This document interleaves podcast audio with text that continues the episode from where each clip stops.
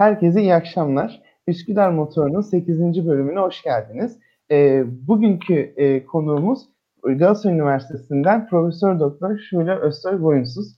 Benim için çok özel bir program çünkü Galatasaray Üniversitesi'nde öğrencisi olduğum bir ismi ağırlıyorum. E, benim için gerçekten hem her anlamda örnek aldım hem de derslerinden çok keyif aldığım e, bir e, e, hocamı ağırlıyorum. Çok memnun oldum Şule Hocam. Hoş geldiniz. İyi akşamlar ben, ben de burada olmaktan çok mutluyum. İlk defa böyle bir program yapıyorum. Birçok programa katıldım ama bugün heyecanlandım ben de gerçekten. Çünkü eski öğrencilerimin de Twitter'da yazdığını falan gördüm. Çok mutlu oldum. Benim için de özel. Teşekkür ederim. Çok sağ olun hocam. Ee, ilk sorumuza başlıyorum. Ee, aslında Amerikan seçimleri her zaman Türkiye'den de takip ediliyordu ama bu dönem çok e, ilgiyle izledik. Özellikle Trump'ın yenilmesini bütün dünya ilgiyle izledi. Burada aslında belki bir şeyler eksik kaldı. Türkiye'de ABD'deki başkanlık sistemiyle Türkiye'deki Cumhurbaşkanlığı sisteminin e, farklarını yani iki sistemin arasındaki temel farkları pek anlayamadı belki kamuoyu. Bu noktada e, bize çok özet bir şekilde belki sizin için uygunsa ABD'deki başkanlık sisteminde Türkiye'deki sistemden farkları nedir ve orada bizim anlamakta güçlük çekeceğimiz ama önemli olan özellikler nelerdir? Onu sorabilir miyim acaba? Ee, Birçok farklı yönü var Amerikan başkanlık sisteminin. Ee, bu Türkiye'deki sistemle karşılaştırmasına geçmeden önce son seçimlerin e, öneminden biraz ben de bahsetmek istiyorum. Gerçekten e, önemli bir e, seçim yaşadı Amerika Birleşik Devletleri. Biz de ilgiyle takip ettik. Ben hiçbir başkanlık seçimini bu kadar ilgiyle takip etmedim. E, bir sebebi vardı bunun tabii. E, Amerika'nın demokratik kurumlarına meydan okuyan popülist bir başkanı vardı. Ve bu popülist söylemlerin e, çok köklü demokrasisi, yerleşik kurumları olan bir ülkede de bu kurumları sarsma gücüne sahip olduğunu e, gördük. Kurumların dayanıklılığı test edildi Amerika Birleşik Devletleri'nde. Benim için de adeta bir e, saha araştırması gibiydi. E, başkanlık sisteminin en iyi örneği olarak sunulan modelinde bile sarsıcı etkileri olabilecek bu tip popülist söylemlerin e, ne kadar etkisinin nereye kadar varacağını test ettik. E, bunu gözlemek açısından yani demokrasi popülizm çelişkisini otoriter eğilimlerin bu kadar köklü bir demokraside bile böylesine rahat e, ortaya çıkabilmesini e, izledik biz de e, ama demokratik e, kurumların devamlılığından yana olan taraf e, bir mücadeleyle kazanmış görünüyor. Onu sonra tahlil edeceğiz tabii. E, şimdi ister istemez bu kurumları kıyaslarken popülizm, popülizmin etkisi altında ortaya çıkan otoriter rejimler, bu otoriter rejimlerin e, bizim ülkemizi de içine alan sarsıcı etkileri, demokrasiyi yıkıcı, kurumları sallayan etkilerini e, gördük Amerika'da da. Bu karşılaştırmada tabii e, kurumların birebir aynı olmadığını söylememiz lazım. Amerika Birleşik Devletleri'nin kurumsal yapısı e, farklı bizden birçok yönden. E, şöyle başlayalım. Amerika federal bir devlet, kuvvetler ayrılığı son derece belirgin bir biçimde yatay ve dikey düzlemde korunuyor. Yani yatay düzlemde yasama, yürütme, yargı arasındaki kuvvetler ayrılığı ve kuvvetler arasındaki yetki bölüşümünü e, koruyan federal yasama, oldukça e, federal yargı oldukça kuvvetli. Yar, yasama ve yürütme arasındaki ayrılık da e, son derece belirgin. E, bu ayrılığı temin eden nedir? Bizden farklı olarak e, seçim sistemi, hükümet sistemlerinin etki, üzerinde etki gösteren bir faktör. Baktığımız zaman Amerika'da yasama organının çift kanatlı bir yasama organı olduğunu, federalizmden kaynaklanan bir biçimde senatosu bulunduğunu, senatonun yanında da temsilciler temsilciler meclisi bulunduğunu görüyoruz. E, Amerikan Kongresi iki, her iki kanadıyla birlikte çalışan bir yasama organı görünümünde. Bir yasa çıkabilmesi için Temsilciler Meclisi'nde Senato'da kabul edilmesi, ardından başkanın önüne gitmesi, başkan tarafından da onaylanarak e, yayınlanması gerekiyor. Veto edildiği takdirde e, üçte iki çoğunlukla kabul edilmesi gerekiyor. Dolayısıyla burada bir yasa yapılabilmesi için temsilciler meclisinin, senatonun ve başkanın rızasının alınıyor olması gerekiyor. E, birbirlerini engelleyip durdurabilme gücüne sahipler. Başkanın istediği bir yasayı çıkartabilmesi, e, kongre üyelerine bu yasayı önertebilmesine bağlı. Öneri geldikten sonra da her iki kanatta kabul edilip önüne gelmesine bağlı. E, dolayısıyla başkan için de istediği bir yasayı çıkarmak çok kolay değil. Temsilciler Meclisi ya da Senato içinde arzu ettikleri bir yasanın hayata geçmesi başkanın rızasına bağlı olarak e, ortaya çıkıyor. Ve burada seçimlere baktığımız zaman Temsilciler Meclisi'nin iki yıl için seçildiğini, dolayısıyla iki yılda bir yenilendiğini, Senato üyelerinin altı yıl görev süresi olduğunu ama üçte birinin iki senede bir yenilendiğini, Amerikan başkanlarının da dört yıl görev yaptığını görüyoruz. Dolayısıyla başkanlar dört yıllık görev süreleri içinde iki ayrı temsilciler meclisiyle çalışıyor ve e, iki senede bir de senatonun üçte biri de yenilendiği için iki ayrı senato çoğunluğuyla çalışmak zorunda kalıyor. Kendi e, görev alanlarının başlangıç noktasında geldikleri parti temsilciler meclisi ya da senatoyu kontrol ediyorsa bile iki sene sonra bu durum değişebiliyor. Ya da e, ilerleyen zamanda ikinci dönemde görev en fazla iki dönem görev yapabiliyorlar. İkinci dönemlerinde de bu durum değişebiliyor. Bu neyi getiriyor? Yasama yürütme arasında gerçekten kuvvetler ayrılığının hayata geçmesini sağlıyor. Çünkü e, gördüğümüz gibi işte başkan cumhuriyetçi ise cumhuriyetçiler her iki kanatta birden çoğunluğu ele geçiremeyebiliyorlar. Son Trump'ın son döneminde Temsilciler Meclisi demokratların kontrolü altındaydı. Dolayısıyla bu önemli bir kontrol ve denge e, işlevi görmüş oluyor. E, bu e, yasama üyeleri aynı partiden gelmiş olsalar bile parti yapısı Türkiye'den çok farklı olarak serbest parti dediğimiz e, parti yapısıdır. E, dolayısıyla grup kavramı yoktur. Grup birlikte hareket edip oy kullanmaz. Parti disiplini yoktur. Oylar serbest bırakılmış durumdadır. E, herhangi bir şekilde partisinin desteklediği bir yasa önerisine hayır derse gruptan atılma yaptırımıyla ya da partiden ihraç yaptırımıyla karşılaşmaz bu yasama organı üyeleri.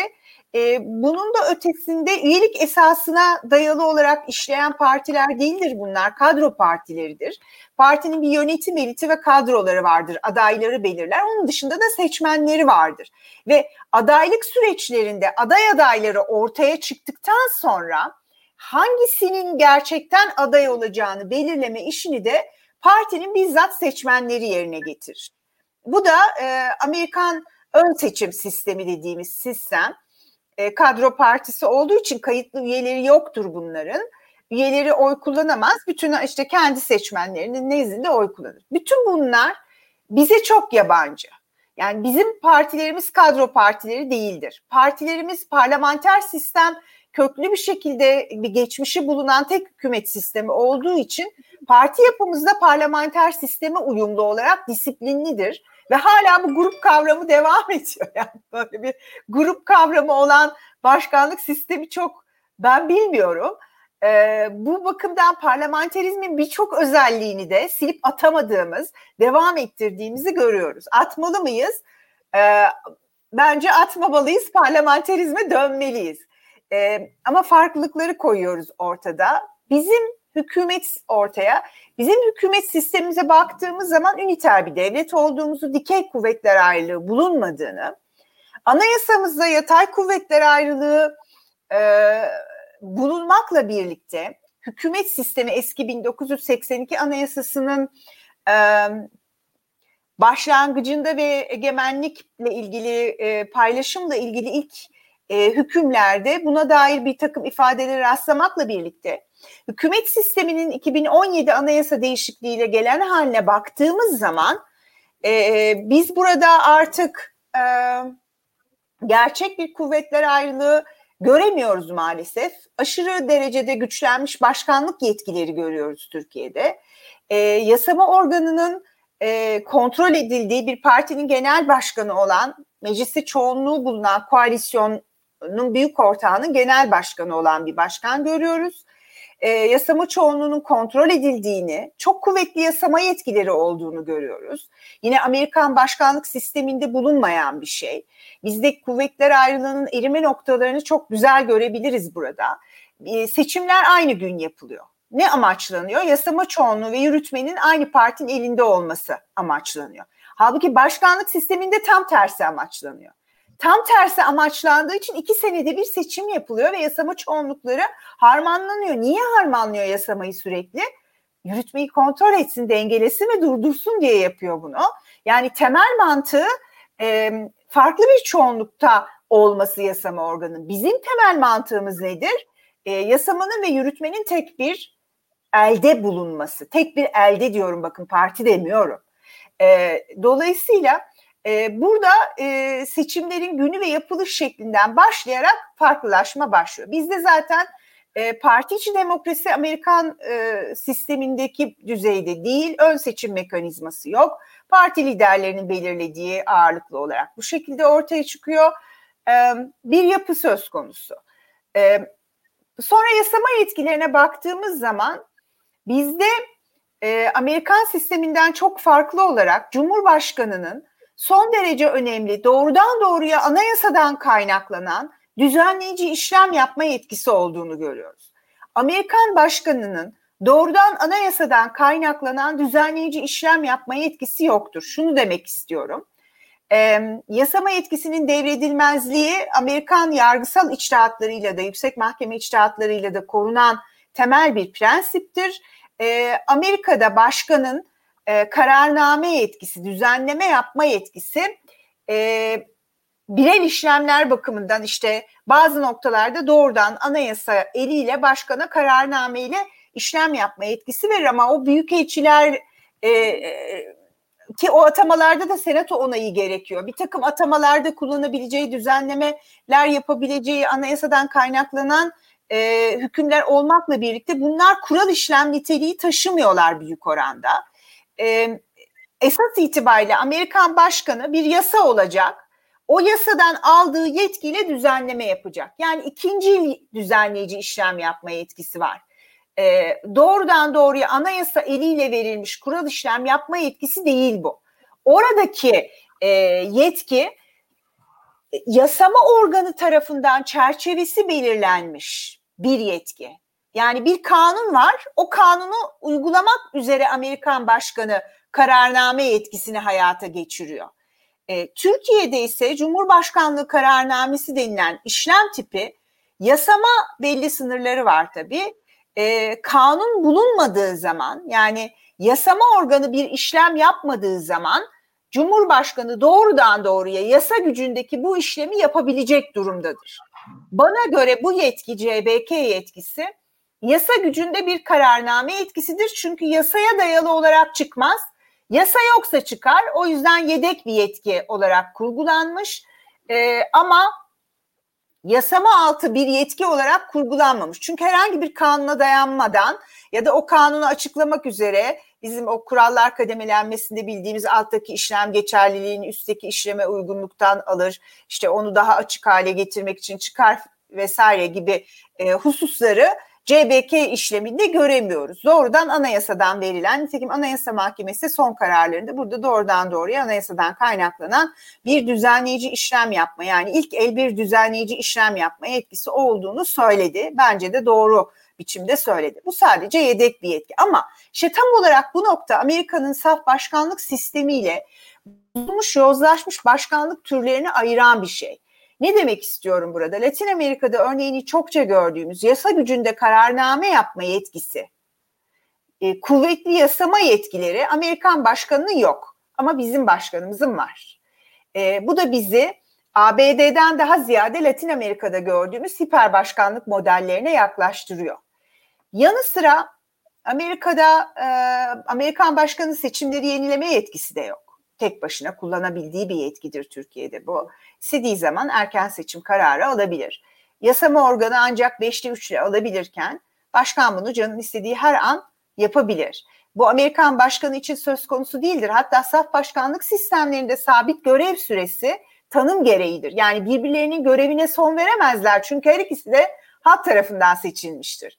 E, halk tarafından seçilmiş bir organın görevine başka bir organ son veremez.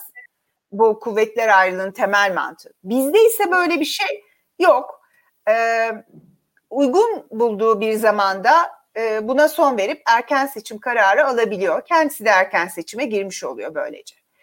E, farklılıkları e, biraz daha e, çok önemli bir fark nokta daha var. Onu da söyleyeyim. Sözü size bırakayım. Amerikan başkanının tek başına yapabileceği atama yetkileri Beyaz Saray'la sınırlı. Birkaç tane danışmanla sınırlı. Bunun dışındaki bütün bürokratik atamalar tamamı çok büyük bir oranda e, senato onayına bağlı. Dolayısıyla bürokrasinin en alt basamağındaki ordudaki yüzbaşıdan tutun da e, herhangi bir federal devlet kademesinde, bürokratik kademede çalışan kişinin ataması senatoda onaylamaya bağlı. Bu yargıçlar için de geçerli. Ciddi bir sorgulama ve denetimden geçerek başkanın önerdiği isimler senato tarafından kabul görürse atanabiliyorlar. Yani tek başına kullanamıyor bu atama yetkilerini. Ee, çok e, sınırlı sayıdaki Beyaz Saray çalışanı dışında bizdeki gibi değil Beyaz Saray. Hem coğrafi bakımdan yani hem bir bina olarak bizdeki e, Beştepe Külliyesi'nin ne büyüklüğünde e, ne içindeki kadroların e, büyüklüğü açısından ne de binanın büyüklüğü açısından kıyas kabul etmez. Çok daha ufaktır oradaki. E, daha küçük bir alandır ve çalışan Beyaz Saray'da atayabileceği çalışanlar da kendi özel yakın sekreteryasına ilişkindir. Bunun dışında her şey senatoda onaylanıyor. Yargı çok ciddi bir denetimden geçerek onaylanıyor. Bakanlar bile senatonun onaylamadığı bir kişi bakan olarak atanamaz. Yani bu e, çok önemli bir farktır. Kuvvetler ayrılığının temel mantığı tek başına yapamıyor bu işleri. Atamaları tek başına yapamaması e, son derece e, önemli bir farklılık. Bir e, arkadaşımız yazmış bizdeki gibi bir bütçe o, olabilir mi diye olamaz tabii ki. E, çok doğru Enes Özkan. Gerçekten e, bütçe konusunda inanılmaz bir e, fark var. Orada e, bütçe tamamen yasama organının kontrolü altında. Çok ciddi denetim komisyonları var. Bütçe kanunu e, taslak olarak e, Beyaz Saray'dan geliyor ama yasa önerisi haline yasama organında dönüştürülüyor ve orada görüşülüyor bütçe üzerindeki yetkilerini kullanarak başkanları oldukça sıkıntılı duruma sokabilirler ve bütçeyi onaylamadığı takdirde senato e, government shutdown dediğimiz bir durum oluşuyor. Yani hükümetin durma noktasına gelmesi bu. Bir kuruş bile harcayamaz. Çünkü harcama yetkisine onay vermemiştir senato. İnanılmaz bir mali denetim. E, ama bizde e, evet gerçekten bütçeyi enflasyon oranında yeniden değerlendirme kullanma yetkisi kesinlikle Amerika Birleşik Devletleri'nde yok. Hiçbir demokratik başkanlık sisteminde de yok. Latin Amerika'da da böyle bir şey e, ben bilmiyorum. Nerede var bu biliyor musunuz? Sizi çok şaşırtacağım. Yeniden değerlendirme oranı gibi bir yani bir önceki yılın bütçesini meclis kabul etmedi bütçeyi kullanamazsınız. Kabul etmezse biter geçici bütçe yapmanız gerekir. O da olmazsa bir şekilde uzlaşmak zorundasınız. Parlamenter sistemlerde bu gen soru anlamına gelir. Düştüğünü düşmeniz anlamına gelir. Seçimlerin yenilenmesi anlamına gelir parlamenter bir sistemde. Bu nerede var? 1876 Kanuni Esasisi'nde var bu. Bunu Amerika'da bulamazsınız. Bunu Osmanlı tarihinde görüyoruz biz. Bu çok hazin bir geriye kayış Türkiye açısından yasama organının yetkileri açısından fevkalade bir geriye kayıştır. E, şimdi burada e, çok sazı elime almış gibi oldum Yunus Emre. Buyurun.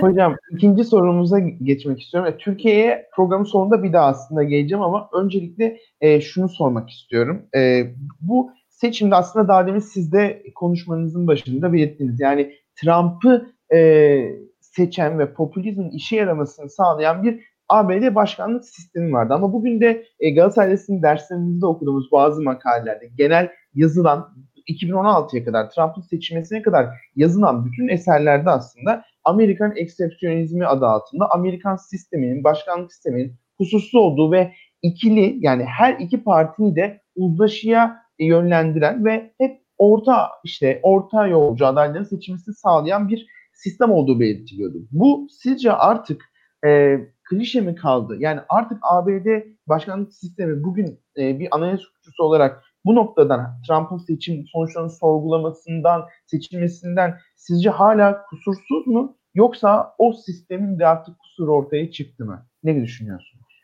Ee, hiçbir hükümet sistemi kusursuz olamaz. Ee, bir takım kurumlar yaratıyoruz biz hükümet sistemleriyle ve bunların sıkıntılı zamanlarda iş görmesini istiyoruz.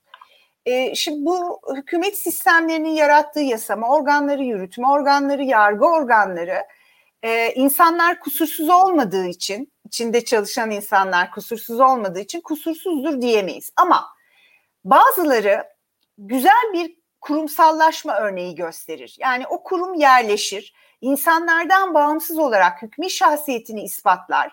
Yöneticileri değişse bile kurum olarak kendi iç düzeni e, ve kuralları yerleşik bir hal alır ve işlev görmeye başlar. O zaman biz artık bu doğru yolda ilerliyor diyebiliriz.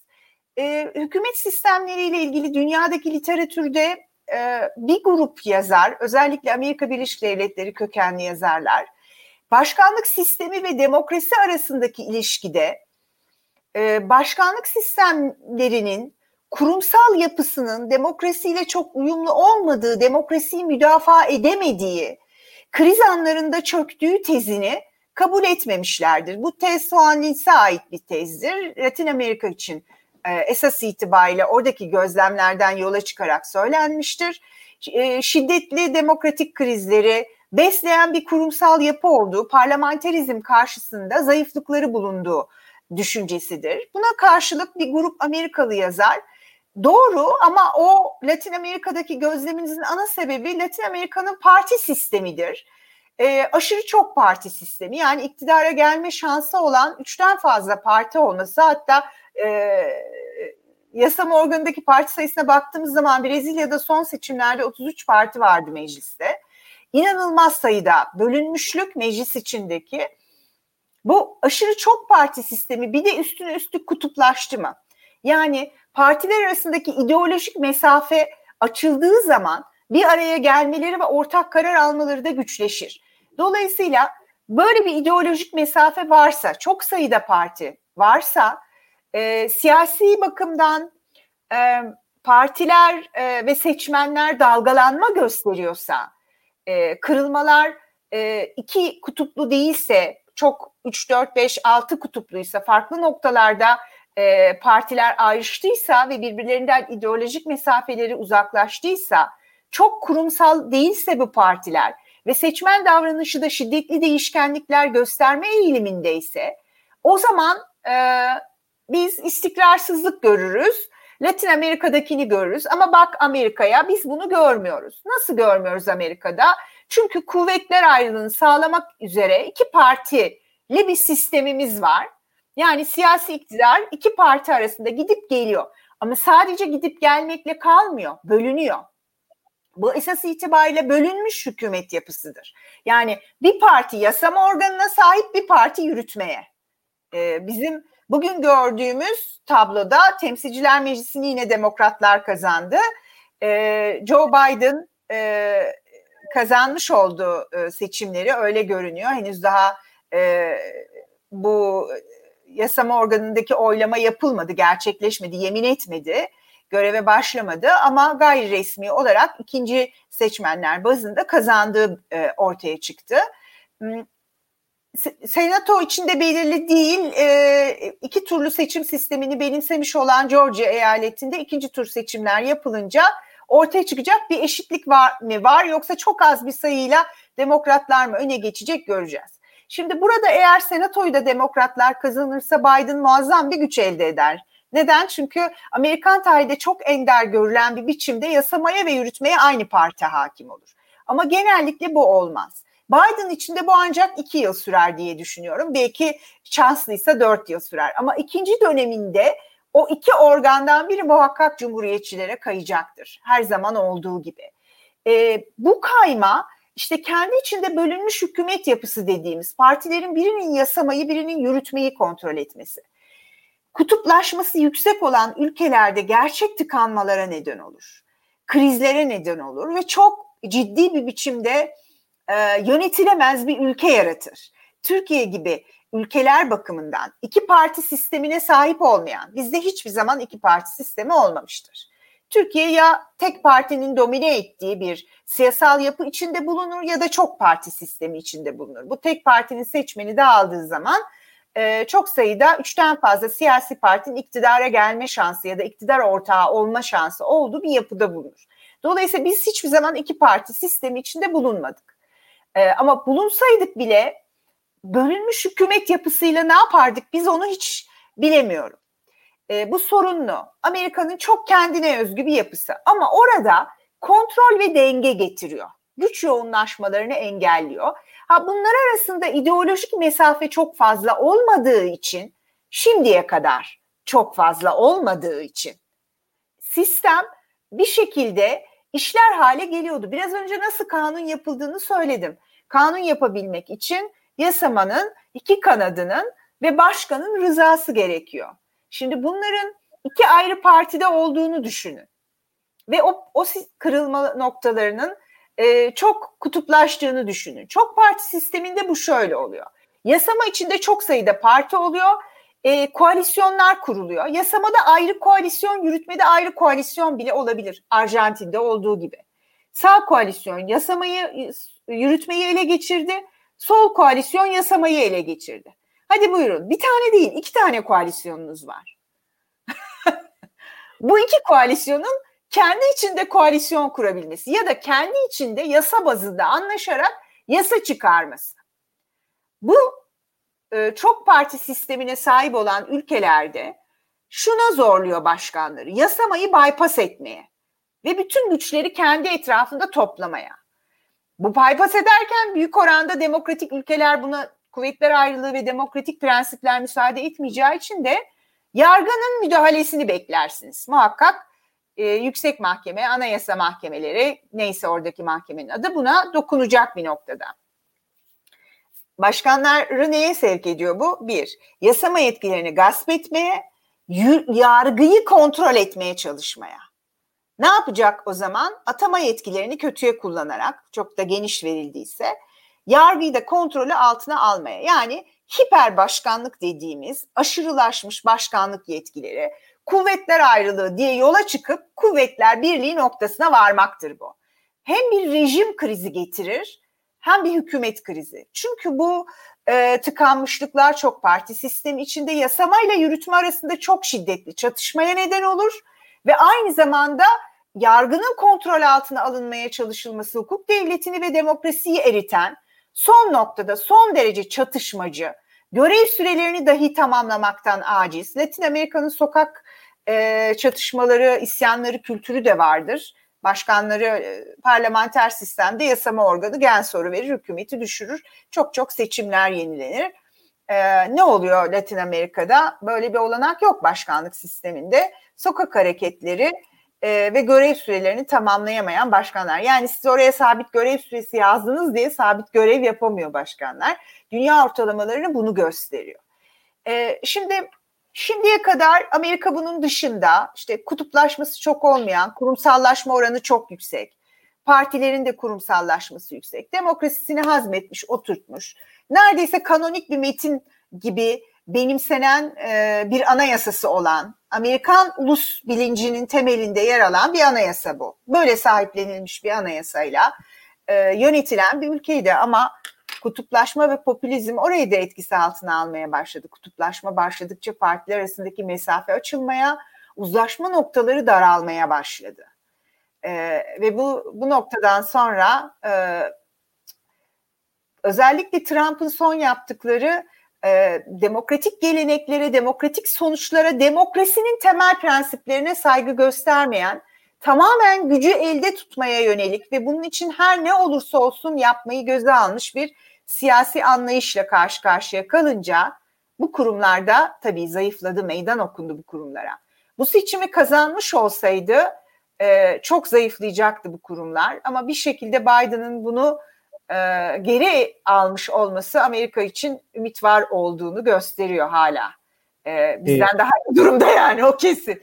Bir de şunu söylemek istiyorum. Buradaki e, şu son yüksek mahkeme kararı onu soracaksın herhalde değil mi? O zaman evet. onu bırakayım sonra. Hemen şimdi soracağım. Ya şimdi iki e, hem onlarla da şunu bağlayacağım. Yani Trump'ın sonuçları kabul etmemesi aslında Amerika için büyük bir şok oldu ve hala bunu devam ettiriyor. Yüksek mahkemeye e, bir sürü dava gitti. Yargıçlar bunları reddediyor ama esas olay aslında belki de Trump'ın kendi atadığı yargıçların hatta seçimden bir ay önce atadığı yargıçların ve kendi görevi getirdiği yargıçların Trump'a e, aleyhine karar vermesi oldu.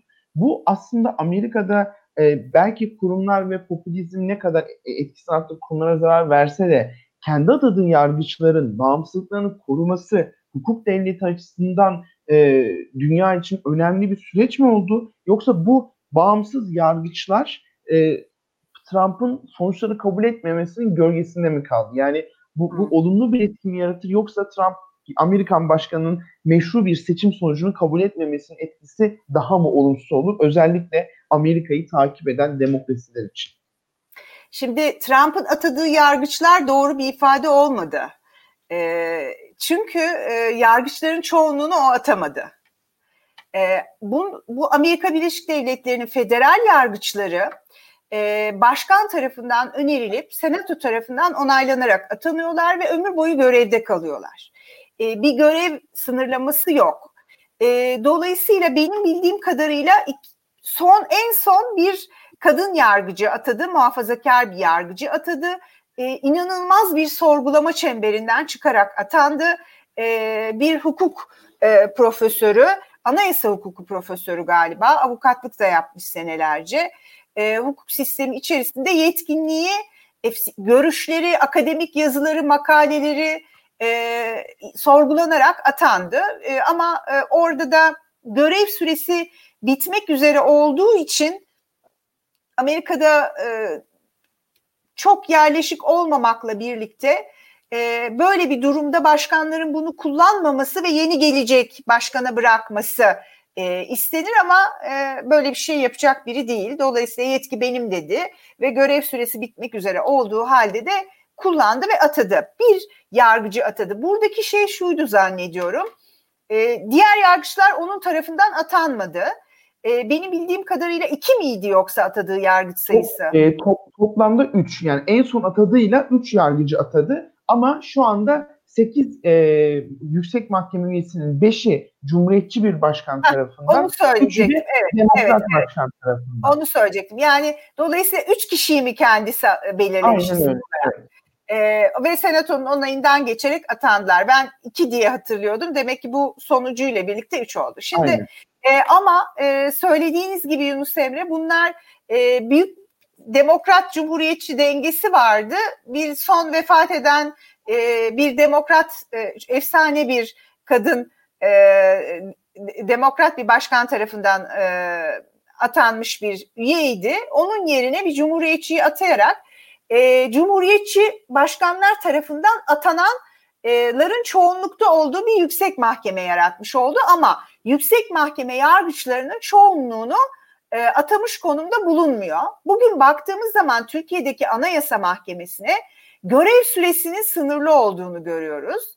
E, o e, yapılan anayasa değişiklikleriyle vardığımız noktada 12 yıl e, görev süresi bulunan bu yargıçların tamamının AK Parti çoğunluğu e, ve Cumhurbaşkanı Erdoğan tarafından atandığını ve bir önceki yine AK Parti tarafından seçilen Cumhurbaşkanı Gül tarafından atanan yargıçlar olduğunu görüyoruz. Yani bugün bizim Anayasa Mahkememize baktığımız zaman e, görevdeki Cumhurbaşkanı Erdoğan e, ve Genel Başkanı olduğu AK Parti çoğunluğu tarafından seçilen yine o çoğunluk tarafından seçilen bir önceki Cumhurbaşkanı tarafından atanan yargıçlardan oluştuğunu görüyoruz. Fakat orada böyle bir durum e, yok. Şimdi burada yargıçların at, kimin tarafından atandığı elbette ki önemli bir şey. Ama sadece bu önemli olan bu değil.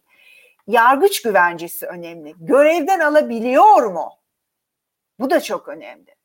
E, dolayısıyla Trump Amerikan Yüksek Mahkeme yargıçlarını görevden alamaz. E, ha, Türkiye'de e, Yüksek Anayasa Mahkemesi yargıçlarını Cumhurbaşkanı görevden alabilir mi? esas itibariyle alamaz tabii. Yüce Divan mekanizmasına tabidir ama 2016 askeri darbe teşebbüsü sonrasında bizim Anayasa Mahkememizin e, FETÖ e, dolayısıyla e, bu o süreçte çıkan o hal KHK'lerinde ismi geçmek suretiyle doğrudan doğruya iki Anayasa Mahkemesi yargıcının görevden alındığına e, ve usul normal usul takip edilmeden e, ki bu Amerika için çok önemlidir due process of law izlenmeden usulüne uygun olmayan önceden belirlenmemiş olan bir şekilde o hal işlemleriyle görevden alındığını gördük Anayasa Mahkemesi yargıçlarının. E, bu önemli bir farktır. Dolayısıyla Trump atamış olabilir ama onları görevden alamaz. Yargıçlık güvenceleriyle korunuyorlar ve görev süreleri de uzun. Ve öyle anlaşılıyor ki bu Amerika için çok yapılan çalışmalardır bunlar. Ee, acaba bir başkan tarafından atandığı zaman muhafazakar olsun diye atanmış ve hep o kararlarda o çizgiyi mi takip etmiş? O başkanın görüşlerini mi yankılamış? Böyle olmadığını da görüyoruz. Yani bu yargıçların kendilerini öneren başkanlara e, böyle bir diyet borcu taşımadıklarını e, görüyoruz. Görevden alınma tehlikesi içinde de bulunmuyorlar. Eğer e, bir e, çok ciddi bir e, hukuka aykırılık suç teşkil eden bir eylemleri bulunmadığı sürece bu başkanlar da görevde kalmaya devam edecekler. E, dolayısıyla böyle bir e, yükü diyeti taşımadıkları anlaşılıyor. Ama Amerika'da benim bu son, son seçimlerde çok dikkatli gözlediğim bir şey federal bir yapı olması ve her seçimin e, o eyalette ayrı ayrı yapılıyor olması, eyalet yargısı ve eyalet hükümetlerinin kontrolünde eyaletteki seçimlerin yapılıyor olması Amerikan başkanının müdahale olanağını çok daralttı. Yani dikey kuvvetler ayrılığının son derece önemli bir işlev gördüğünü gördüm. Bazı eyaletlerde şunu gördük. Cumhuriyetçi eyalet başkanları çıkıp bizim eyaletimizde e, olmadı böyle bir e, oy usulsüzlüğü dedi. Bunu bir e, federe devletin başkanı pozisyonunda bulunan bir kişinin federal başkanı aynı partiden baş, federal başkanı söylemiş olması çok önemli. E, dolayısıyla bu e, ciddi bir kontrol ve denge getirmiş oluyor Amerikan sistemi içinde. Yani kurumları işledi. Demokrasiyi müdafaa eden kurumlar müdafaa ettiler bunu. E, bu işledi. E, halkın nazarında bu kurumların güvenilirliğinde ciddi bir ciddi bir meydan okuma bu. Ama kurumlarında işlediğini gördük. Eyalet yargıçlarında, federal yargıçlarında görevlerini yaptıklarına, herhangi bir hukuki zemin olmadan bir karar alma eğiliminde olmadılar. Federal Yüksek Mahkeme ben zaten e, şimdiye kadar federal mahkemenin e, tutumunda doğrudan doğruya siyasi bir tavır alma şeklinde e, böyle bir başkan istedi diye bu kadar temelsiz görülen bir şeyi yapabileceklerini zaten düşünmüyordum. Beni şaşırtmadı ama biz şunu göreceğiz. E, bundan sonraki süreçte eşcinsel evlilikleriyle ilgili veya e, kürtajla ilgili meselelerde e, asıl o Cumhuriyetçi çoğunluğun işlevini göreceğiz. Yani Trump'ın e, delil bulunmayan yani yeterli ikna edici delil ortaya çıkmış olsaydı muhakkak zaten federe düzeyde de eyalet düzeyinde de bunu görürdük ama tabii ki bir etkisi olacak Cumhuriyetçi çoğunluğa geçmesinin e, muhakkak olacak. Burada ee, bir şey gördüm hemen onu da cevaplayayım federalizmden bahsetmişken e, başkanlık sistemlerinde üniter devlet olan başkanlık modeli var mı? Var tabii. E, Şili gibi üniter devlet olan başkanlık sistemiyle yönetilen ülkeler de var. Yani şöyle bir şey söylenemez. E, mutlaka e, federalizm olmak zorundadır denilemez. Ama şu denilebilir. E, federalizm başkanlık sisteminin kurumlarını Amerika Birleşik Devletleri özelinde tamamlayan bir şey. Yani yatay kuvvetler ayrılığı başkanlık sistemi o yatay düzeyde e, yasama, yürütme, yargı federal düzeyde bir de dikey düzeyde eyalet düzeyinde. E, dolayısıyla dikey ve yatay kuvvetler ayrılığıyla e, taçlandırılmış bir yönetim modeli bu. Bir başkanlık sistemine geçmek için mutlaka federalizm olmak gerekmez tabii ki. Her ülkenin kendi e, devlet biçimiyle ilgilidir federalizm ya da üniter devlet olup olmamanız. Öbürü hükümet biçimidir. e, birbirlerini zorunlu kılmaz. Ama Amerika için birbirini tamamlar. Yani bir yetki paylaşımıdır. Çünkü çok zor bir yönetim modeli Amerika'daki başkanlık sistemi. Bölünmüş hükümet yapısı yani. Bunu düşünsenize e, hiçbir atamanızı yasama organı onaylamadan gerçekleştiremiyorsunuz. E, yasa çıkarmanız oraya bağlı. Orada da başka bir parti çoğunluğu var. Dolayısıyla çok fazla yasa gelmiyor ve kararname etkiniz yok. Sadece yasaları uygulamak için kararname çıkarabiliyorsunuz. Doğrudan doğruya yasa eliyle yapılmış yetki devirlerini de e, sınırlıyor. Bir çerçeve görmek istiyor e, federal mahkeme. Dolayısıyla burada aslında Amerika'da yasama organı e, kısa vadeli temsilciler meclisi iki yıllık. Zaten seçim kazanıyor. Geliyor bir dahaki seçime hazırlanmaya başlıyor. Çok az bir zaman bu. Ee, ve burada daha çok kısa vadeli yasama politikalarına odaklanmaya sevk eder yasama meclisi üyelerini bu. Nitekim de öyle oluyor. Çok kolay yasa çıkmıyor. Önemli nitelikteki yasalar e, statükoyu bozan yasalar çok zor çıkıyor. Bunu e, Yunus Emre söylemek hmm. istediğim bir şeyler var öyle hissettim. E, e, şunu çok kısa parantez ki zaten Amerika'da da her çıkan yasa aman özgürlüklerimize dokunuyor, devlet müdahale ediyor diye de bir tepkiyle karşılanıyor. Hani belki sizin dediğinizin halktaki karşılığı da bu devletin müdahalesi, yasa çıkmasın, vergi artmasın tarzında ekstra bir e, tutumdur diye bu parantez eklemek istemiştim. E, e, tabii şimdi Amerika'da... M- Amerikan e, eyaletleri daha önce bağımsız devletlerdi. Önce bir konfederasyon sonra federasyon çatısı altında birleştiler. E, ve e, bu birleşme e, sürecinde dışarıdan bir e, istilacı olarak gördükleri Britanya kolonisiydi e, bunlar. Britanya'ya karşı bağımsızlık mücadelesine giriştiler ve orada hep e, dışarıdan gelen e, ve kendileri gibi olmayan, uzaktan ülkeyi yöneten ve vergi koyan ve aslında o parlamentoda temsil edilmedikleri için de vergi yetkisini kabul etmiyorlardı. E, bir güce karşı yürüttükleri bir bağımsızlık savaşı var ve onunla bir araya gelen, e, şekillenen bir ulusal kimlik var. Esas itibariyle en iyi devlet en küçük devlettir. E, mantığı var ve federal yetkiler dar olarak belirleniyor ve büyük oranda sayılmayanlar da eyaletlere bırakılıyor Amerika'da. E, dolayısıyla başkan bu sistem tıkansa bile, government shutdown olsa bile kamu hizmetlerinin büyük bir kısmı gider. Çünkü o günlük kamu hizmetlerini zaten eyaletler veriyor. E, federe devletler veriyor. Yani e, orada federal yönetim e, krizli yaşasa bile aşağı düzeyde e, bulunduğunuz eyaletteki hükümet iş başında ve orada daha çok vatandaşın katılma olanakları var. Ee, karar alma süreçlerine etkileme olanakları var. Ee, bu şekilde kuvvetli bir demokratik yapı aslında Amerika Birleşik Devletleri'ndeki. Bütün bunlar tarihsel geçmişi, ortaya çıkış özellikleri bizden oldukça farklı bir e, yapı olduğunu rahatlıkla söyleyebiliriz.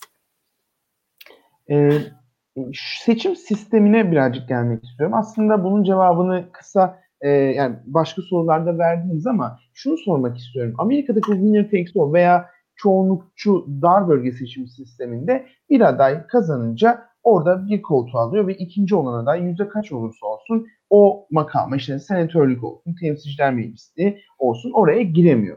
Bu son günlerde özellikle son bir yılda Türkiye'de de kulislerde Türkiye'de dar bölgeye geçsin mi tarzında böyle bazı haberler de çıktı. E, ve bu sistemi belki e, konuşmaya başlamamız Türkiye için de oldukça faydalı olacaktır. Çünkü e, an, Türkiye'de uygulanmasının antidemokratik sonuçlar yol açacağını söyleyenler de var. Sadece bu değil, anayasaya da aykırı. Çünkü bizim anayasamızın 67. maddesi seçim sistemlerinde temsilde adalet yönetimde istikrar ilkesine uygun olmalıdır diyor. Temsil adaleti diyor. Bölünmüş toplumlarda dar bölge temsil adaleti getirmez. Şiddetli bir şey, çoğunluk sistemleri e, seçim sistemi olarak çoğunluk sistemleri anayasaya aykırıdır. Bizim anayasamız karma bir yani anayasası itibariyle e, nispi temsil olan bir hükümet bir seçim sisteminin e, bir takım unsurlarla istikrara yönelik hale gelmesidir. Yani şu baraj vesaire gibi orada bile e, seçim çevresi barajını Anayasa Mahkemesi 95 tarihli kararında anayasaya aykırı buldu. Yani şunu söylemek istiyorum. Tek turlu tek isimli çoğunluk sistemi kesinlikle 1982 Anayasa 67. maddesindeki temsil adaleti ilkesine aykırı. Bir kere bu var. İkincisi siyasi bakımdan e, Türkiye gibi bölünmüş ve kutuplaşmış bir toplumda e, temsil adaletine hizmet de etmez. Öte yandan Türkiye'de oylar coğrafi olarak yoğunlaşmış durumda. Baktığımız zaman e, Türkiye'nin büyük şehirlerinin çok önemli bir kısmının böyle sahillerde e, oluştuğunu, sahillerde bir partinin ağırlığı olduğunu, son seçimde belediye seçimlerinde Ankara'da da e, yine onu gördük. E, oylar coğrafi olarak yığıldığı için e, ve güneydoğusunda bir başka bir parti, orta kesimlerde bir başka parti. Çok farklı bir şey görmeyiz. Yani bu e, açık konuşabilir miyim? Dar bölge sistemini getirirsek bundan AK Parti'den çok HDP faydalanır. Çünkü onların e, milletvekili sayısı artar. E, CHP bakımından da öyle. Yani zaten bunlar oylar coğrafi olarak yığıldığı için eğer e, seçimde manipülasyon yapma amacına yöneliyorsa AK Parti istediğini zaten dar bölge vermez. Ama güzel olmaz. Tabii adaletli bir temsil olmaz o bölgeler için. Ve tabii orada biz 600 tane seçim çevresi yaratmamız gerekecek. 600 milletvekili var çünkü ve nasıl çizilecek? İşte orada gerrymandering yapmaya çalışacaklar filan. Halbuki bizim çok eski bir şeyimizdir. İller her il en az bir seçim çevresidir. O ilin milletvekili olur. Bunları niye yok edelim ki bu kurumları? Yani bu kurumları yok etmek için bir sebep yok ortada.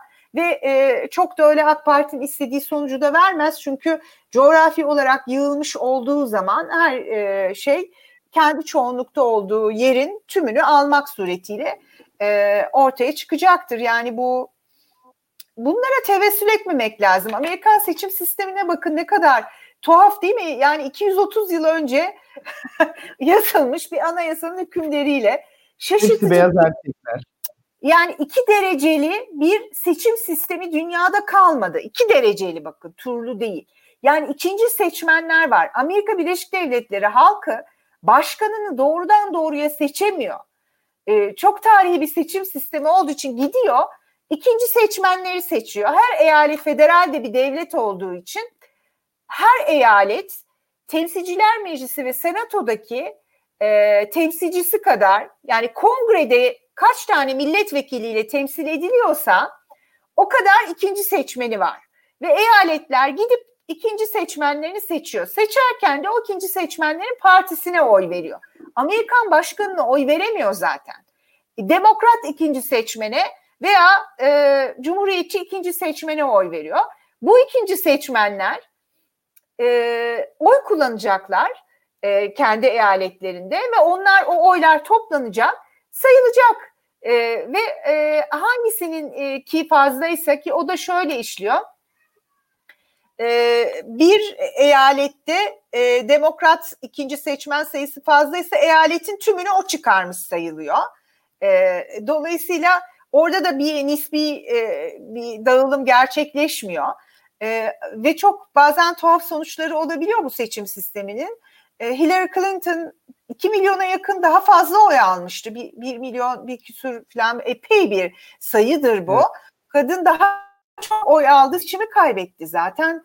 E, ülke genelinde hiçbir zaman oy çoğunluğuna sahip olmadı Donald Trump. Eyalet bazında ilerleyen bir şey çünkü federal bir yönetim.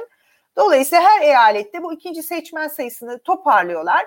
Kimin ikinci seçmen sayısı daha fazlaysa e, bir e, salt çoğunluk üzerinden hareket ederek onu belirliyorlar. E, bu seçimlerde de demokratlar geri almış oldular birçok şeyi. E, epey de bir oy farkı 5 milyondan fazla bir oy farkı evet. da oluştu aralarında. E, yani bana e, göre bayağı kesin bir zafer şey değil evet. yani. Belirsiz bir konu değil yani. Net bir şekilde çoğunluk elde etti. Bir de hani dediğiniz gibi bu sistemin e, mantıksızlığı yani 200 yıl önce e, sadece beyaz yaşlı erkeklerin yazdığı bir anayasanın seçim sisteminin mantıksızlığı bugün Amerikalılar da farkında. Onlar da bu sistemden uzaklaşmak istiyorlar. Çünkü iki partili sistem hani fiilen iki partili olan sistemin yetmediğini, daha sol, daha, daha geliyor Amerika'ya artık. ge- gerektiğini belirtiyorlar ve e, özellikle günün sonunda ülke genelinde değil de Michigan'daki 10 bin kişinin seçim sonucunu karar vermesi de çoğu Amerikalıyı özellikle Kaliforniya, New York gibi büyük eyaletlerde yaşayan Amerikalıları da mutsuz eden bir şey. Tabii ki bu sistemi Amerikalılar kurtulmaya çalışırken çok zor belki hani kurtulmaları ama Türkiye'nin veya başka ülkenin bu sistemi konuşması e, gayet de dediğiniz gibi hem anayasaya aykırı bahsettiğiniz gibi çok güzel bir şekilde hem de bence mantığa aykırı. E, hemen Tabii yani e, bunu e, Amerika'da çok öykünülecek bir ülke değil bu arada. Biz böyle e, öyküne duruyoruz da yani biz derken e, sizle ben değil tabii de e, Türk siyasal sistemi içindeki önemli aktörler uzun bir süre hep örnek aldılar. Amerika'yı çok örnek alınacak bir ülke değil. Hem çok nevi şahsına münasır bir ülkedir. E, hem de bakın bu iki dereceli sistem işleyişi Amerika içinde dar. Benim gördüğüm demokratlar bir koalisyon şeklinde hareket ediyor şu anda. E, bir sol koalisyon, liberal sol koalisyon izlenimi bıraktılar bende. E, çünkü mevcut parti yapısı çok dar geliyor Amerika'yı ve kutuplaşmanın şiddeti arttıkça e, bu darlık daha belirgin bir hale de geliyor gibi. E, ama ne olur e, bilemiyorum. Tabii adaletli değil e, bu şekliyle.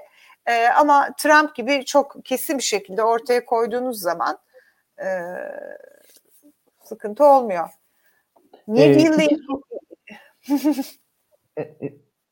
duyamadım hocam tam. Ee, Amerikan Yüksek Mahkemesi ile ilgili e, konuşacak mıyız? Amerikan Yüksek Mahkemesi hakkında son üç sorum kaldı. Bu e, Yüksek Mahkemenin yapısı hakkında isterseniz e, bir soru yönelteyim.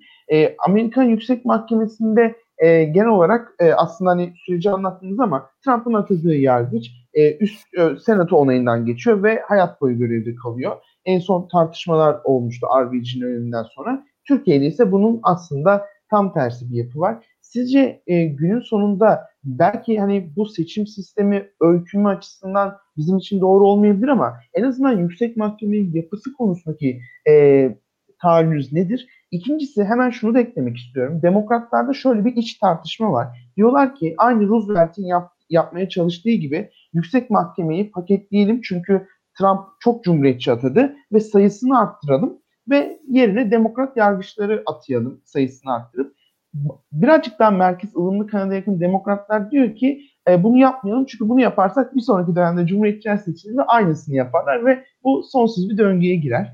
Bu e, yaşanan tartışmalarda sizin karşılaştırmalı bakışınız nedir? E, bu soruyu yönetmek Şimdi önce şunu söyleyeyim, bunu Roosevelt de yapamadı yapmaya teşebbüs etti ama yapamadı. Roosevelt'in e, durumu e, New Deal yasa paketleriydi onlar. Biraz ondan bahsedeyim. Çok e, önemli bir kırılmaydı o. E, Amerika Birleşik Devletleri 1929'da kapitalizmin büyük krizi e, çok şiddetli bir yıkım getirmişti bu ülkeye. Yani bir kontrolsüz büyüme, federal yönetimin bu e, e, eyaletler arasındaki ekonomik e, büyüme üzerinde kontrolünü e, yerleştirmediği hani o bırakınız yapsınlar bırakınız geçsinler ekonomik e, yaklaşımı ve aynı zamanda asıl yetkiyi eyalet yönetimlerinde bırakan ve federal başkanın da çok öyle kontrolünde olmadan gerçekleşen bir büyüme sonunda büyük bir iflas. Amerikan bankacılık sistemi çöktü. Bankaları iflas etti. Birer birer kapanıyor. Çok şiddetli bir ekonomik krizdi. Dünya çapında bir ekonomik krizdi 1929 krizi. Bununla mücadele edebilmek için e, Roosevelt e, 30'lu yılların e, başında 33'te e, seçimi şu şekilde kazandı. Dedi ki bir bu işsizliği ortadan kaldıracağım. E, bu çiftçiler çok zor durumdaydı. E, işçiler çok zor durumdaydı. İnanılmaz bir yoksulluk. E, bunu ortadan kaldıracağım. İçki yasağı vardı e, içki yasağını ortadan kaldıracağım e, ve hayatınızı daha iyi bir hale getireceğim dedi ve seçimi kazandı. Ve demokratlar bir dizi e, muazzam e, önlemle e, 29 ekonomik krizini ortadan kaldırmaya yöneldiler. Bu federal başkanın ekonomiye müdahalesi demekti. Şimdiye kadar Amerikan kapitalizmi ve o kapitalist e, yerleşik egemen güçleri yasa e, şeyde de yüksek mahkemede de oturuyordu bu insanlar. Yani devletin böyle bir müdahalesini hele hele federal yönetimin böyle bir müdahalesini kabul etmeyen bir yaklaşımdı. Ve getirdiği yasalara baktığımız zaman e, kamusal federal e, organlara e, iş imkanları yaratmak için e, birçok noktada hem kamu hizmeti götürüyor hem iş olanağı yaratıyordu bu yasal düzenlemeler. Bugün e, bu Covid süreciyle mücadelede baktığımız zaman artan işsizlik, yani o da e, şiddetli ekonomik krizleri tetiklendiği bir sü- süreç sonucunda ortaya çıkmıştı. Yani bütün bu hani tartıştığımız bağlamın dışında da New Deal yasalarına yakından bakması lazım Türkiye'yi bundan sonraki dönemde yönetecek olanların. E, ve Roosevelt çok başarılı bir şekilde e, işsizlik sorunuyla e, bu içki yasağını da kaldırdı. Hem daha özgür hem sendikalaşan, sosyal haklar, asgari ücret, inanılmaz sosyal devleti hayata geçirmeye çalışıyordu. Amerika bu çok devrimcidir. E, yani sosyal politikalar üreten e, yasal grubuydu. E, ve Amerikan Yüksek Mahkemesi birinci New Deal paketlerini iptal etmeye başladı. Anayasaya aykırı buldu. Bir, sebepleri neydi? Sen federal başkansın, federe devletlere bırakılan eyaletlerin yetki alanı içine girdin. Buraya giremezsin. İkincisi, bu alanlara müdahale ediyorsun. O zamana kadar neydi bu, bu hep? Bırakınız yapsınlar, geçsinler. Devletin ekonomiye müdahalesini kabul etmeyen bir anlayışa sosyal devlet, asgari ücret, sendikalar gibi bir takım kavramlarla e, ve devletin iş kapısı açması ve devletin istihdam etmesi. Yüksek oranda insanları köprüler, otobanlar, otoyollar, ormanları temizletmek için işçiler alıyor mesela federal hükümet. E, burada orman e, aynı zamanda imar ediyor ama ülkesini imar ederken işsizlik sorununu çözüyor. Bu federal e, bütçenin halka akıtılması demektir çiftçilerin borçlarını yapılandırdı bir sürü bir sürü. Baktığınız zaman e, çok pozitif şeyler ama yüksek mahkeme bunlara müdahale etmeye başladı. Aynen devam ettirmek için politikasını iptal edilen yasaların benzerlerini ikinci New Deal paketiyle çıkardı. Tam yüksek mahkeme önüne gidecek. Dört yıl bitiyor tabii seçimler yapılıyor. Amerikan başkanlık seçimleri tarihinde çok nadir görülen bir oranla yüzde 60 oranında Roosevelt tekrar seçimleri kazandı ve yasamada da kazandı. Yasamayı da kontrol eden bir çoğunluk bu, yürütmeyi de kontrol eden ve çok açık bir tercihtir. Bu Amerikan halkının e, Roosevelt'in arkasında olduğunu gösteren bir tercihtir. Seçimleri kazandıktan sonra geldi oturdu dedi ki ben şimdi dedi yüksek mahkemeye baktığım zaman yaşlı e, erkekler görüyorum dedi. E, yaş oran ortalamaları da çok yüksek böyle 70'li 80'li yaşlarında evet. insan federal mahkemelerdeki yargıç sayısını anayasa belirlemiyor. Yasa düzeyine bırakılmış durumda. Şunu yapacağım ben dedi. Yargıç sayısını arttıracağım. Her işte 70 yaşın üzerindeki şu, şu kadar yargıca karşı genç yargıçlar atayacağım dedi. Yani buradaki amaç yeni neslin farklı bir şeyi sembolize ettiğini gösteriyor. Bir yandan o. Bir yandan da ama buradaki ne? Yapmaya çalıştığı şey aslında court packing. Üye sayısını arttırmak suretiyle yeni üyeler atayarak içtihat değiştirmeyi sağlamak. Ama kıyamet koptu tabii. Amerika'da ve e, kendi çok, partisi de karşı çıktı tabii, sanırım. Tabii tabii karşı karşı çıkıldı. Hayır, siz içtihat değiştirmek için herhangi bir başkan yasama çoğunluğunu kontrol ederek yasamayı e, şey pardon yargı çoğunluğunu yüksek mahkemedeki yargıç çoğunluğunu e, atamak suretiyle kontrol ederek içtihatları kontrol edemez, yargıya müdahale edemez. Burada çok büyük bir reaksiyon aldı e, Roosevelt ve yüksek mahkemeye müdahale teşebbüsü e, kabul görmedi. Bana göre de doğru olan budur. Yani burada e, çok önemli yasalar olmasına karşı e, ve o yüksek mahkemede ilk önce acil durum kriz hali olağanüstü dönem olarak gördü. Bir iki sene dokunmadı bunlara e, sonra dokunmaya başladı zaten. E, nihayet e, bu, bunlar tartışılırken yüksek mahkeme e, işte bir ölüm gerçekleşiyor bir yargıç atıyor orada.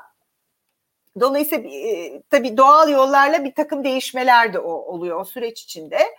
E, anladığım kadarıyla e, Amerikan Yüksek Mahkemesi burada Amerikan halkının genel tercihlerini okudu. kendi içinde de bir takım değişmeler meydana geldi ve bu court packing hiç hayata geçmeden mahkeme içtihat değiştirdi. Aynen. Ve ayak uydurdu. Burada mesaj olan, alındı. Mesaj alındı. Amerikan halkının e, bu ne diyor politik çok, çok yaşamsal şeylerdi bunlar. E, ondan sonra da biliyorsunuz zaten e, Amerikan tarihinde çok önemli bir başkan Roosevelt. Ama hiçbir zaman yapmadı aslında bunu. Yapmak yapabilirim dedi sadece yargıçlara biraz teşvik niyetiyle. E, hoş bir şey değil tabii. E, kim olursa olsun, hangi amaçlı olursa olsun e, yürütmenin yargıyı kontrol etmeyi, teşebbüs etmeye çalışması e, sistem içindeki dengeleri bozar. Hangi hükümet sistemi olursa olsun. Bugün kuvvetler ayrılığı dediğimizde bunun gerçek manası yargı bağımsızlığıdır. Olmaz yani. Çok, teşekkür hocam. Bence bu konu Türkiye'de ilk kez bu kadar net bir şekilde anlatıldı ve çok güzel bir mesajla da e, bunu şey, e, verdiniz. E, aslında e, bir saate açıyoruz ama son çok kısa iki sorum var. Aslında bütün e, konuşmanız boyunca bunun mesajını e, verdiğiniz ve ne cevap verebileceğinizi biliyorum ama yine de e, bir son olarak sormak istiyorum. Öncelikle çok kısa şeyi sormak istiyorum. E, Türkiye'de bu Amerika'daki gibi bir ön seçim sisteminin bir faydası olacağını düşünüyor musunuz? Ardından da size bu sorunun ardından Türkiye için alternatif hükümet sistemi sizce bütün bu Amerika'da yaşananlardan sonra e, nedir? Bunu size soracağım. Öncelikle Türkiye ve ön seçim sistemi Amerika'da konuştuğumuz e, örneklerden yola çıkarak bu soruyu sormak istedim.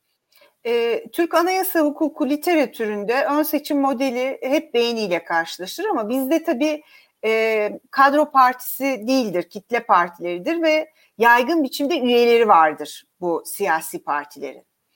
E, dolayısıyla bizdeki modelde ben her siyasi partinin kayıtlı üyelerinin aday adaylarına ön seçimde oy vermek suretiyle milletvekili adaylarını ve o partinin genel başkanını, parti kadrolarını ve hatta e, yürütmeye ilişkin Amerikan sisteminde gördüğümüz başkan adayları da ön seçimden belirleniyor. E, böyle bir usulün Türkiye için de çok gerekli olduğunu düşünüyorum. Bugün bunu e, uygulayan tamamen uygulamıyor. E, merkez parti karar organları tarafından da belirlenen yerler var ama e, büyük oranda uygulayan bir tane parti var. O da CHP. CHP dışında uygulayan bir parti ben bilmiyorum. O da çok tamamında uygulamıyor. Türkiye demokrasisine faydası olur mu? Hiç şüphesiz faydası olur. Yani ben e, her zaman bu siyaset bilimciler arasında farklı görüşlü olanlar çok. E, tabii bunu bir m, dikkatli bir şekilde siyasi partiler yasasıyla e, getirip düzenlemek lazım.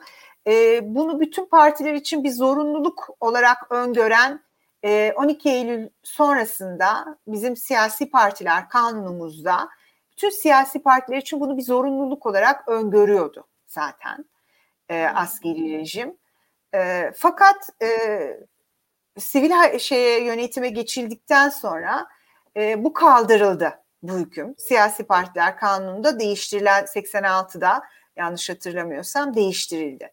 Anayasa Mahkemesi de bunu anayasaya aykırı bulmadı. Dedi ki her siyasi parti bunu yasaklamıyor. İsteyen ön seçim yapabilir. Dolayısıyla partilere bırakılmış bir alan oldu. Bana göre partilere bırakılmaması lazım. Çünkü Türkiye'de partici demokrasi ülke düzeyinde de olmadığı gibi partiler içinde de olmadığını görüyoruz. Çok düşük düzeyde gerçekleşiyor. Dolayısıyla partilerin ha ama şu olabilir. Kağıt üzerindeki üyelikler çok olabilir bazı partilerde özellikle AK Parti'de. E, kayıtlı üyelerin aidat ödediği. E, dolayısıyla gerçekten parti e, için kayıtlı üye özelliği gösterebildiği bir takım e, başka özelliklerle birlikte tamamında olmasa bile yüksek oranda e, ön seçim modelinin Türkiye için e, olumlu özellikler, e, olumlu etkiler yaratabileceğine e, inanıyorum ben. Hani karşı düşüncede olan kişiler de var ama alternatifi nedir? E, siyasi parti liderinin belirlemesidir. Bu en kötüsüdür. Bu en kötüsüdür. Kurumsallaşmış partilerde parti orta kademe yöneticileri, adayları belirleyen komisyonları, işte komitelerini de rastlayabiliriz. E, ha, bu da eğer o parti içinde gerçekten kurumsallaşma varsa ve bu makamlar e, seçimle belirleniyor ve parti içinde canlı tartışmalar sonucunda belirleniyorsa o da olabilir. E, ona da demokratik değildir diyemeyiz. Ama tamamen lidere terk edilmiş. O zaman o kişi gidince parti de gidiyor. Özal gitti, ANAP gitti. İşte Demirel gitti, DYP gitti. E, bir kişinin partisi o. Olmaz. O zaman olmuyor. Demokrasi çok e, gelişme gösteremiyor. Kurumsallaşma önemli. E, bir soru daha vardı. Şimdi soruyorum hocam onu da. E, hocam e, aslında cevabını ta programın ilk başında dediniz. Ben Türkiye için parlamenterizmi öngörüyorum demiştiniz programın en başında ama yine de son soruyu böyle kapatmak istiyorum. Başkanlık sistemine dair umutlar bu son gelişmelerle ve bahsettiğiniz tespitlerle tükendi mi? Ve genel olarak sizin Türkiye için e, önerdiğiniz en iyi uygun, en iyi, en demokratik hükümet sistemi nedir? Bize e, programın son sorusu olarak e, bunu cevaplar mısınız? Şimdi e, her ülke için e, her bedene uyan bir elbise yoktur dünyada. E, her ülkenin kendi koşullarını dikkate almak suretiyle farklı hükümet sistemleri olabilir. Demokratik başkanlık sistemleri de vardır, parlamenter sistem de vardır, yarı başkanlık da vardır, antidemokratik başkanlık da vardır, parlamenter de vardır, olabilir.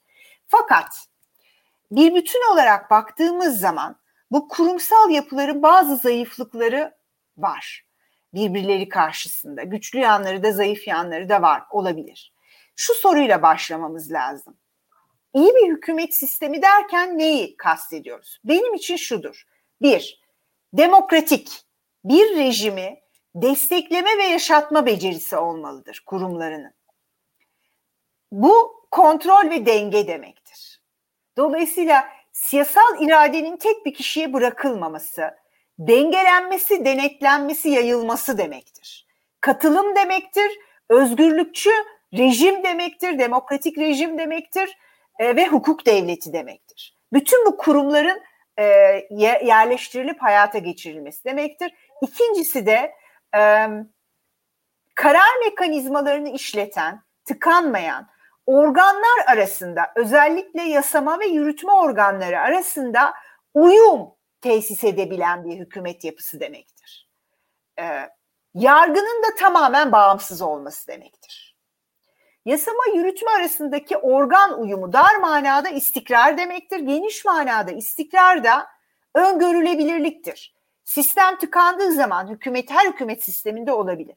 Tıkanmanın açılma yolları ve tıkanmayı önleyecek anayasal mekanizmalar konulması demektir. Bu bakımdan parlamenter sistem son derece esnek bir yapıdır. Krizleri atlatma becerisi çok daha yüksektir. Ee, kurumsal dengeler bakımından. Demokrasiyle daha uyumlu olduğu yönünde de ciddi işaretler var. Ben de o kanaatteyim. Farklı fikirde olanlar da var. Evet bazı başkanlık sistemleri yüksek oranda demokratikleşme gösteriyor ama sayı olarak çok az bunlar. Baktığımız zaman sayı olarak parlamenter sistemlerin bir farkı var. Muazzam bir fark var. E, Freedom House ölçümlemelerinde bir puan ileri demokrasi. En özgür ülke. Üç tane başkanlık sistemi görüyoruz e, baktığımız zaman. Biraz daha kriterleri esnettiğimiz zaman işte sayıyı 6'ya falan çıkarıyoruz. Ama e, bu sayı içerisinde 45'e yakın ülkede parlamenter sistemi görüyoruz. Yani bunun bir sebebi olması gerekir. E, bu soruyu sormak gerek. O bakımdan bana göre parlamenter sistemlerin esnek oluşu, krizlerle daha iyi başarı çıkabilme becerisi göstermesine bağlı. Türkiye için önerim şudur. Ee, siyasal iktidarın karar alabildiği, karar süreçleri tıkanmayan, rasyonel biçimde örgütlenmiş bürokratik yapısı olan, devlet örgütlenmesi olan, bir kişiye bağlı olmadan, kurumları kuvvetli olan ama aynı zamanda da çok ciddi bir kontrol ve denetim olan bir hükümet sistemidir. Yani muhalefetin denetlediği, sorguladığı, muhalefetin de kuvvetli olduğu, hükümetin de kuvvetli olduğu bir hükümet sistemidir bu. E, bence. Bunu yapabilmek için yasama organına özellikle denetim fonksiyonunu güçlendirmek gerekir ve bu denetim fonksiyonunu muhalefetin etkin olacağı şekilde kurgulamak gerekir. Öte yandan karar alma süreçlerinde de yani hükümetin göreve gelme ve görevde kalmasını sağlayacak e, rasyonelleştirilmiş parlamenterizm kurumlarının var olması demektir. Dolayısıyla benim önereceğim şey bugünlerde e, muhalefetin çokça dillendirdiği güçlendirilmiş parlamenterizm ya da bunun akademik e, söylenişi rasyonelleştirilmiş parlamenterizmdir. Budur e, e, ve Türkiye'nin kendi siyasal tarihinden ders almaktır. İkinci meşrutiyetten başlayarak hatta e, hadi e, o ilk meşrutiyeti de sayalım çok kısa bir süre olmasına rağmen hepsinden ders almaktır. Türkiye'nin siyasal tarihi hem demokrasisinin müdafaa edilmesi gerektiğini gösteriyor bize hem de bu demokrasiyi müdafaa ederken askeri ve sivil otoriter rejimlere karşı korunması gereken demokrasi bir bu. Yani öyle bir yapı getireceğiz ki askeri ve sivil otoriter yapıları istemiyoruz. Bunları engellemek istiyoruz. İki, etkili sorun çözme becerisine sahip olan, e, etkili yönetim becerisine sahip olan bir siyasal iktidar yaratmak istiyoruz. Türkiye'nin sorunlarını çözebilecek gücü olmasını istiyoruz. Ee, ama bunu yaparken de denetlenmesi, hiç denetlenmeyen siyasal iktidarlar gücü kötüye kullanır. Yani bedelini ödemediğiniz zaman yaptığınız şeyi e, o artık sizin için bir hata olmaktan çıkıyor. Mantığa uydurduğunuz bir şey haline dönüşüyor. Yapılan yanlışların bedeli ödenmeli. E, Şule Hocam çok teşekkür ederim. Yani e, bir saat 10 dakika oldu ve programın sonuna evet, geldik. İktidar motoru iskeleye yaklaşıyor. Ya, ben gerçekten çok teşekkür ederim. Çok Komentlerde yani... de dinleyenler de çok güzel yorumlar paylaşıyorlar. Hepsine cevap veremedim. Orada e, sorular da var, e, yorumlar da var. E, anladığım kadarıyla çok e, bilgili, e, kültürlü bir dinleyici kitlesi tarafından dinlendik. Benim için de çok zevkti. E, hocam e, yani gerçekten bir saat 10 dakikada hem Amerika hem Türkiye'deki anayasa sistemini nasıl e, işlediğine dair çok e, kompakt ve çok e, güzel bir yayın oldu ve sizin tespitleriniz de e, gerçekten de e, Türkiye için önünü aydınlatıcı olduğunu düşünüyorum. Ben çok teşekkür ederim. Bir öğrencinin e, feyiz aldığı bir hocasını ağırlaması yayında. teşekkür ederim. Teşekkür ederim. Güzel bir şey. Umarım herkese nasip olur bu güzel e, şans. Çok sağ olun hocam. E, programımızın evet. sonuna geldik. E, size çok teşekkür ederim. Çok sağ olun konuk olduğunuz için. Görüşmek üzere. Hoşçakalın. E, abone olmayı, bizi Patreon'dan desteklemeyi unutmayın. Herkese iyi akşamlar dileriz. Hoşçakalın. Hoşçakalın.